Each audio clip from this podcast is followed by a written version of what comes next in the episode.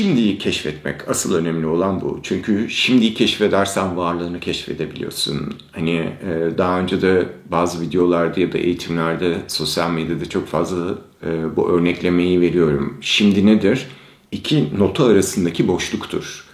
E, işte şimdi nedir? İki nefes arasındaki boşluktur. Sufiler bunu çok güzel tanımlıyorlar. Sufiler diyor ki iki nefes arasındaki boşluktadır Allah. Ancak Allah'ı orada bulabiliriz. Onun dışında ne geçmişte ne gelecekte. Onun için sufiler kendilerine biz şimdinin çocukları izler. Bu şekilde ifade ederler yani. Onun için de inşallah biz de şimdinin çocukları olmaya niyet ettik burada. Çünkü neden çocuk olmaya niyet ettik? Çünkü çocukları gözlemleyin arkadaşlar. Çocuklar genelde şimdiden. Ne geçmişte ne gelecekte. Sadece şimdi de mevcutlar, şimdi de varlar. Öyle yargılayan, çıkarcı ya da işte hesapçı bir zihin formu daha tam gelişmemiş onlarda.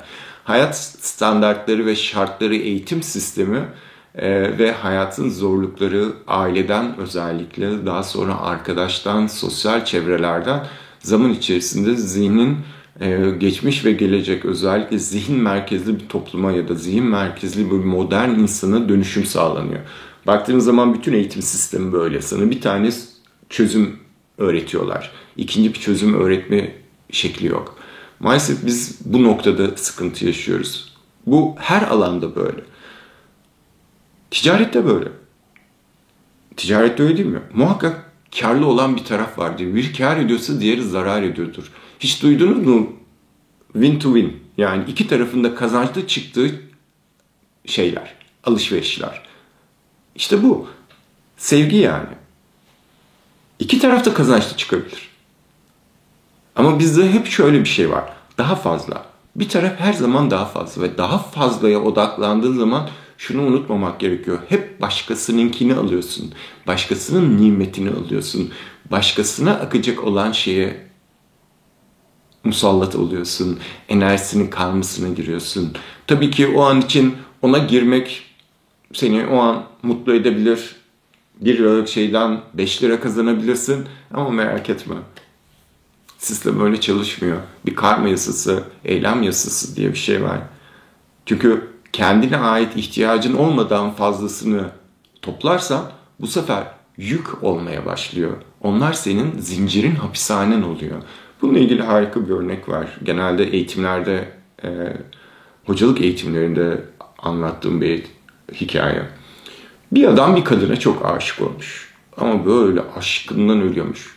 Kadın hiç oralı değil, hiç ilgilenmiyor adamla. Adam böyle rüyalarına giriyor, büyük ızdırapların içerisinde e, yaşayamayacak yani. Hani o kadın olmadan yaşayamaz yani. Ve büyük bir plan yapıyor. Bir tane daha ev var. İşte orayı ayarlıyor. Kadın için gidiyor o evi tutsak tutabileceği bir hale sokuyor. İşte bir sürü bütün kazancını oraya harcıyor. Ondan sonra bir gece kadını kaçırıyor. Ve zorla daha kaldırıyor, eve kaldırıyor. İşte üç oda bir salon, böyle büyük bir atölyesi olan bir ev bu. Ve kadını oraya kilitliyor. Ama adamın da işi şehirde. Her gün o dağ evinden işine giderken iki saat ve tekrar işten eve dönerken iki saat, dört saati yolda geçmek zorunda ama önemli değil. Çok aşık çünkü o kadınla beraber olmak zorunda. O kadın onun olmak zorunda. Ve kadını oraya hapsediyor. Ve kadın çok mutsuz tabii. Ve aylar geçiyor. Adam sabah erkenden kalkıyor, işine gidiyor, çalışıyor. Ondan sonra hemen erkenden işten çıkıyor. İşte alışverişini yapıyor, yemek alıyor, şöyle yapıyor, böyle yapıyor, eve gidiyor. Kadına yemek hazırlıyor, yemeğini veriyor yani. Kadın çünkü tamamen depresyonda ve bir odadan dışarı çıkmıyor. Sonra aylar geçiyorlar, zaman devam ediyor. Adamın hiçbir özel hayatı yok. Hiçbir yere gidemiyor, hiçbir şey yapamıyor. Kadın da dışarı çıkaramıyor çünkü. Ve yıllar böyle geçiyor. 6 aydan sonra kadın yavaşça kabullenme sürecine giriyor. Kendi bir tane atölye yapıyor. Bahçesiyle ilgilenmeye başlıyor. İşte evi düzenlemeye başlıyor. Çünkü bütün zamanı o evde geçiyor. 24 saat o evde geçiyor. Adam çok fazla değil. Zaten geliyor 5 saat uyuyor. Sonra geri dönüyor işine.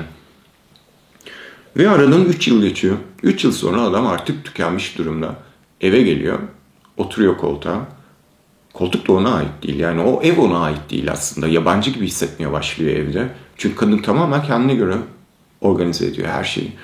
Bir gün koltukta otururken bir farkındalık yaşıyor. Ve ondan sonra da bütün kapıları açıyor. Kadına diyor ki istiyorsan gidebilirsin. Yaşadığı farkındalık şu. Şunu fark ediyor. Aşık olduğu kadın bir şekilde kendi yaşam unsurlarını ve yaşam kalitesini sağlıyor ve özgür. Anahtarı olmasa bile o evin içerisinde, o bahçede, o alanda. Ama adam anahtarı onda olmasına rağmen köle. Hapis. Bu örneği şunun için verdim. Aslında biz de yaşamlarımızda sahip olduklarımız aynı bu şekilde sahip olduklarımızın kölesi olmaya başlıyoruz. Çünkü farkında değiliz arkada dönenin. Onun için ne olması gerekiyorsa, neye ihtiyacın varsa o gelsin. Çünkü o an için sana işte büyük bir duyguyla, büyük bir nefsle o an için ona ona ihtiyacın varmış, onu istiyormuşsun, onu arzuluyormuşsun gibi göründüğün şey maalesef senin ihtiyacın değilse senin zincirin demektir. Doğal akışıyla sana gelmediyse hapissin demektir. Bu bir evlilik olabilir. Bir ilişki olabilir. Bir iş olabilir. Ya da şu ana kadar 20, 30, 40, 50 yıldır yaşadığımızı düşündüğümüz bu suni yaşam olabilir. Bir başarı, bir kariyer. Her neyse. Bu spiritüellik de olabilir. Hiçbir fark yok aslında. Bazen o spiritüellik bilgilerle bizi zincirliyor, hapsediyor. Çok okumak çok da iyi bir şey değil arkadaşlar. Çok bilmek de çok iyi bir şey değil. Çünkü o bilginin de bir kölelik hali var, bir yük hali var, bir zincirleme hali var. Çünkü bir sürü fikir ve yapay bir şey fikir. Fikirler demek, inançlar demek, zincirler demek aynı zamanda.